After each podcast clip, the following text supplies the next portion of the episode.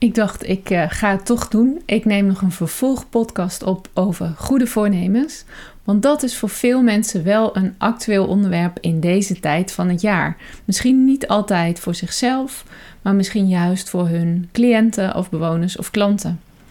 Vandaag deel ik met je waarom ik mijn tandenborstel weggooide en wat dat te maken heeft met mijn goede voornemens.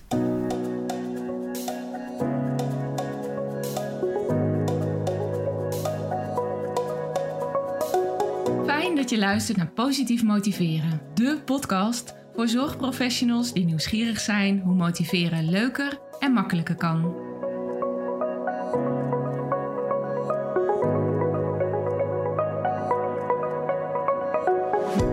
Mijn naam is Marielle Tromp en in deze podcast wil ik jou inspireren met verhalen, inzichten en tips die jij kunt gebruiken om meer resultaat, plezier en voldoening uit je werk te halen.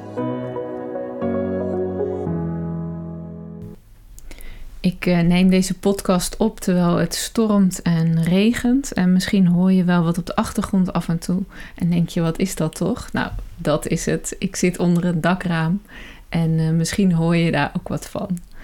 Maar ik wilde toch graag deze podcast opnemen. En ik wilde niet wachten tot de regen voorbij was.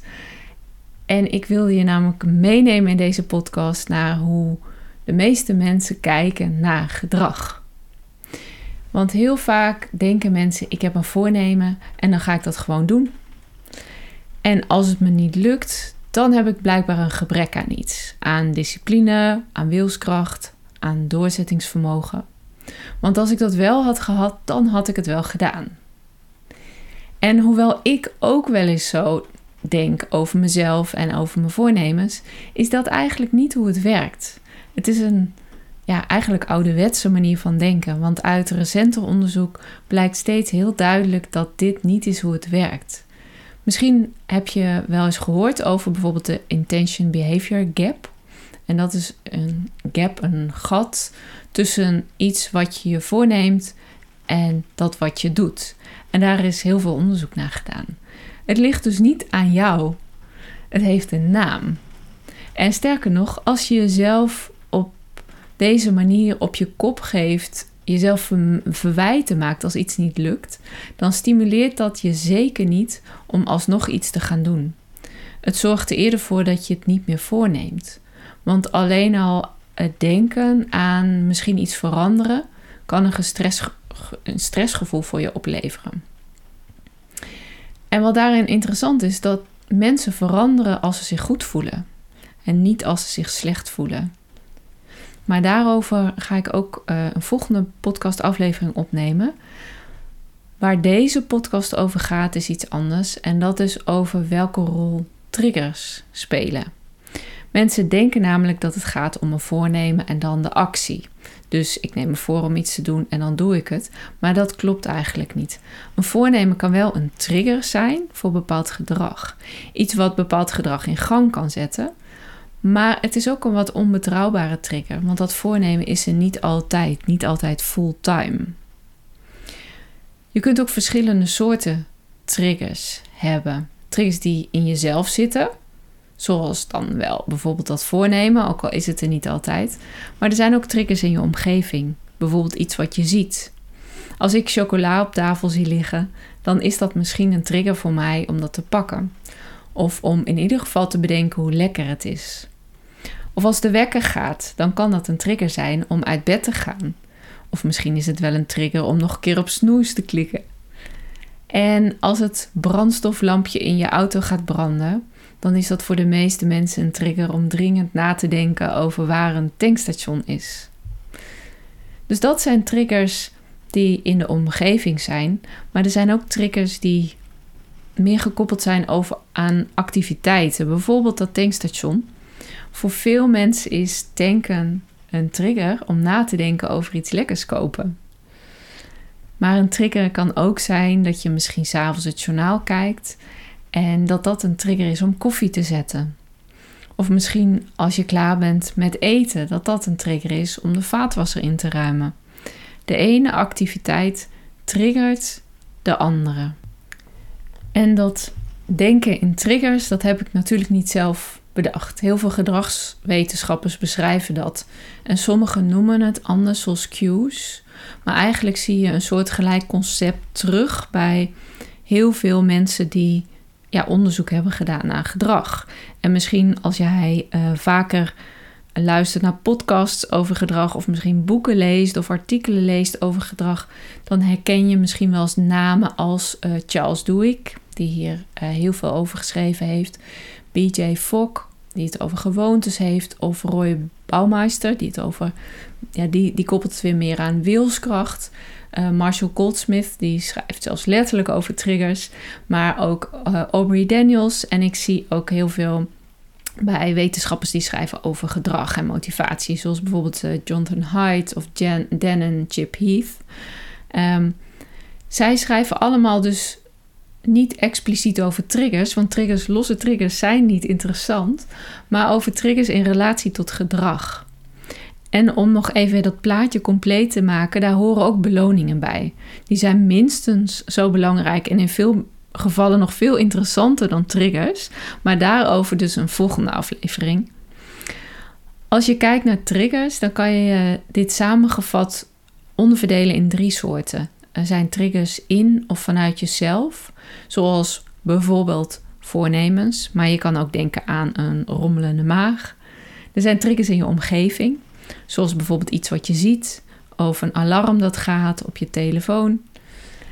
En er zijn triggers die ingebakken zitten in een activiteit. Stel nou dat jij of jouw cliënt uh, een goed voornemen heeft.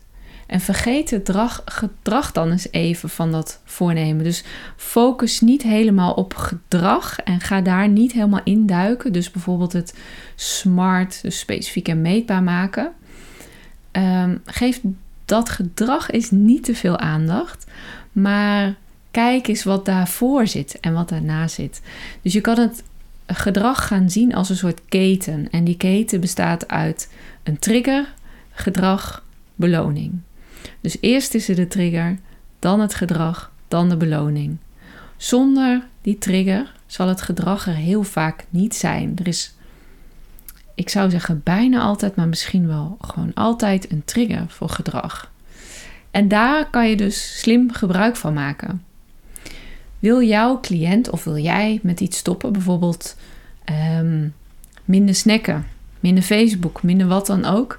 Denk dan goed na over triggers en zorg dat die er niet of minder zijn. Verwijder ze. Voorbeelden uit de praktijk die ik de afgelopen jaren hoorde van deelnemers of in trainingen zijn bijvoorbeeld dat mensen zijn gestopt met tanken bij een tankstation met een shop. Die gingen bewust naar van die onbemande tankstations. Want dan is de trigger om een snack te kopen er niet. Of mensen die minder online willen zijn, bijvoorbeeld minder op Facebook, die verwijderen de Facebook-app. Of als dat te drastisch is, die verplaatsen de app naar het laatste scherm op de telefoon of ze zetten hun meldingen uit. Je zorgt dat je minder triggers hebt die tot je ongewenste gedrag leiden. Hierbij kan je ook denken aan uh, zorgen dat de koekjes buiten beeld zijn, in een kastje dus. Of de chocola niet in huis halen. Maar ook dingen als boodschappen niet met een lege maag doen. Je begrijpt het wel. Eigenlijk is de puzzel hier dus bedenken wat triggers zijn voor het gedrag dat je minder wilt gaan doen en zorgen dat die triggers er niet of minder zijn. Andersom kan je ook zorgen voor triggers die zorgen voor nieuw gewenst gedrag. Een voorbeeld wat ik in trainingen veel gebruik is mijn eigen poging om hard te lopen. Dat is niet iets wat ik makkelijk of van nature doe. En waar ik dan dus voor zorg is dat ik de juiste trigger inbouw. Zo stap ik op een dag waarop ik wil hardlopen niet meteen ochtends onder de douche, maar trek ik meteen mijn hardloopkleding aan. Ik ga dan trouwens eerst gewoon aan het werk. Ik werk al jaren vanuit huis. En dat laat meteen zien hoe belangrijk het is dat je zorgt voor triggers die bij jou passen. Want voor jou werkt dit misschien heel anders. Jouw werk is misschien ook heel anders. Maar voor mij herinnert het dragen van die kleding maar aan: uh, oh ja, ik ga nog lopen. Bovendien is dan wel gaan lopen niet heel veel meer moeite dan niet gaan lopen. Want als ik toch zou besluiten om niet te gaan lopen, dan moet ik me ook alsnog omkleden en zo Voordat ik iets anders buitenshuis ga doen of voordat ik een Zoom-afspraak heb. Ik bouw dus bewust die trigger in met mijn kleding. Ik vind uh, van verschillende gedragswetenschappers uh, eh, BJ Fogg wel mooie praktische voorbeelden geven. Wat hij bijvoorbeeld doet is push-ups koppelen aan elke keer dat hij naar het toilet gaat. Altijd nadat hij naar het toilet is gegaan, doet hij direct twee push-ups. Of meer als hij er zin in heeft. Maar waar het om gaat is dat hij de routine heeft ontwikkeld uh, dat uh, als hij naar het toilet is geweest, dan doet hij push-ups. En wat ik daar mooi aan vind, is dat hij echt focust op de routine, op de gewoonte. Dus niet op het resultaat, hoe sterk wordt hij er nu precies van, maar echt op de gewoonte. En in Nederland is iemand die dat ook echt doet, uh, Jelle Hermes. Misschien ken je hem van het platform of van de app So Chicken. En hij zegt ook heel mooi: gedrag en gedragsverandering, zeker als het gaat om leefstijl, is geen project. Niet iets waarbij je stappen doorloopt en dan klaar bent, maar het is een proces, iets wat altijd doorloopt. En het beste wat je kunt doen is zorgen dat je in dat proces blijft. Ik zeg het nu niet zo mooi als hij, maar het lijkt ook op een boekje dat ik ooit las. Dat heette Lazy Fitness. En daarop stond: Wil je yoga gaan doen? Uh, doe het dan als volgt. Dag 1, koop een matje. Dag 2, ga erop liggen. Dag 3, herhaal dag 2. Waarmee de schrijver bedoelt, focus je alsjeblieft op de routine, op de gewoonte, op zorgen dat je op dat matje komt te liggen. Dan komt de rest later wel. Als je meteen een perfecte yoga routine of yoga oefening wil doen, dan wordt de drempel echt veel hoger om ook echt op dat matje te gaan liggen. Houd het dus klein en wees daar ook tevreden mee.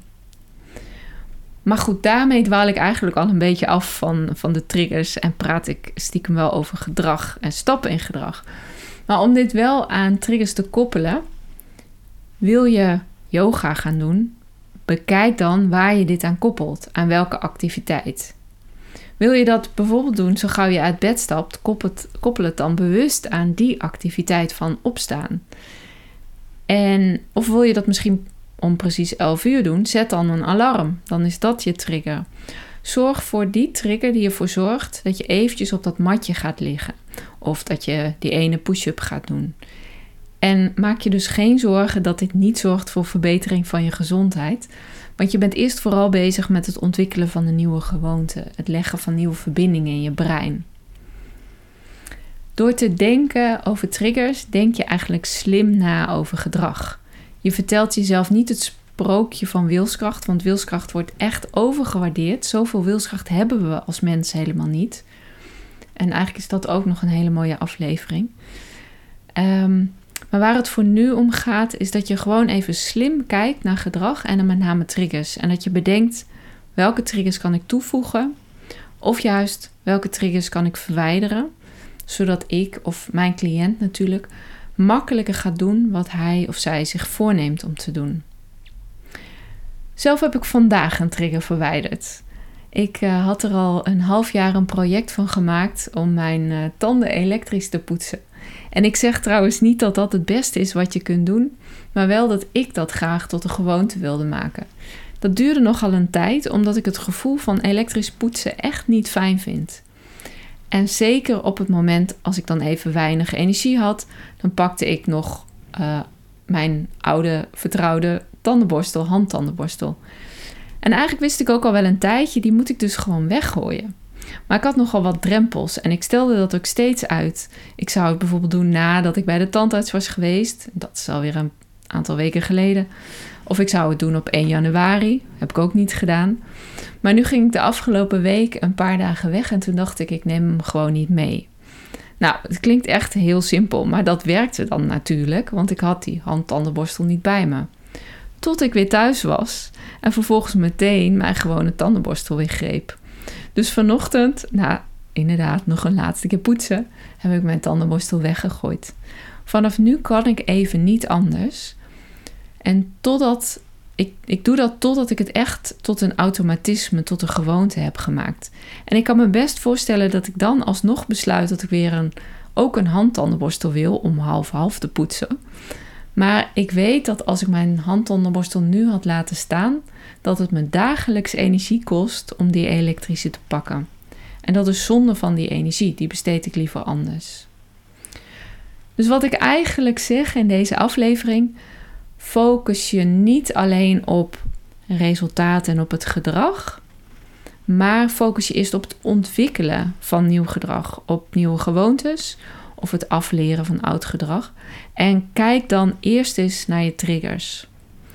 Die triggers die kunnen in jezelf zitten of vanuit jezelf komen. Die triggers kunnen in je omgeving zijn, zoals mijn tandenborstel. En er zijn triggers die ingebakken zitten in een activiteit. Iets wat je misschien sowieso altijd doet op een dag. En door daar eerst goed naar te kijken, zorg je voor veel meer resultaten. En heb je die bergen wilskracht ook niet nodig. Die kan je gewoon besteden aan andere dingen. In een volgende aflevering ga ik in op beloningen. Die ook heel veel met, dit, ehm, ja, met deze gewoonte te maken hebben. En dat zijn niet de beloningen waar jij nu waarschijnlijk aan denkt. Ehm, maar door ook goed over die beloningen na te denken, zorg je voor het veel sneller inslijten van gewoontes. Ik zou het heel erg leuk vinden om te horen over jouw gewoontes en over jouw triggers. En ik wil je dan ook uitnodigen om ze met me te delen door een WhatsApp of een voicebericht te sturen naar 06 3888 9559. Zo kan ik ook jouw ervaring weer meenemen in een volgende podcast. Graag tot dan! Tot slot nog even dit. Ik vind het bijzonder dat je luisterde en dat ik even met je mee mocht vandaag. Dank je wel.